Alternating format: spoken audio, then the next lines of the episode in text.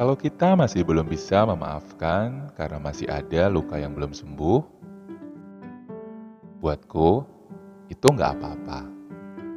Karena beberapa luka memang butuh waktu lebih lama untuk menjadi baik. Sayangnya, itu juga jadi pilihan kita sendiri. Mau cepat sembuh atau lebih lama menahan sakit. Assalamualaikum minal aidin wal faizin. Mohon maaf lahir dan batin buat semua yang always dengerin podcast kata A. Semoga semuanya terus diberi kebaikan yang lebih lebih lebih banyak lagi. Ngomongin soal lebaran nih, udah pada maafin diri sendiri belum? Maksudnya maafin diri sendiri? Iya, udah maafin diri sendiri belum?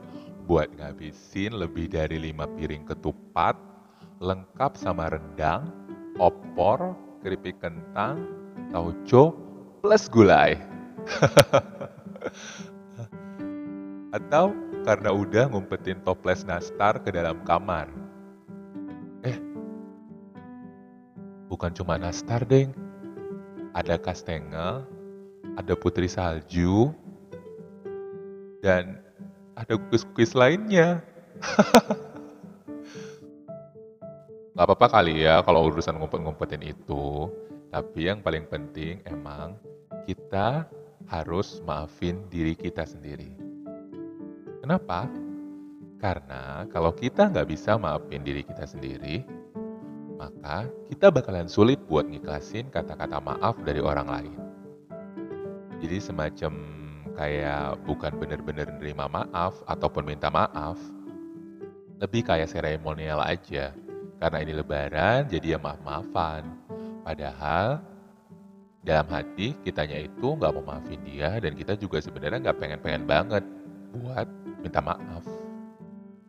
Kayak apa ya?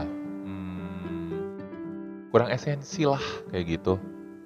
Nah, jadi sebelum kita maaf-maafin orang lain atau atau minta maaf ke orang lain, baiknya kita maafin diri kita sendiri. Jadi aku saranin ya, yuk kita sama-sama maafin diri kita sendiri. Buat semua kesalahan yang entah itu disengaja ataupun gak kita sengaja. Let it go and forgive yourself. Pengen bahagia kan? Untuk kali ini, itu aja yang aku mau sampaikan. Makasih buat semua yang udah dengerin podcast Kata Al. Dan kalian bisa terus dukung podcast ini dengan follow di platform favorit kalian. Boleh di Anchor, Spotify, Google Podcast, it's up to you. Hope you enjoy the vibe of Lebaran. Assalamualaikum, and see you next week.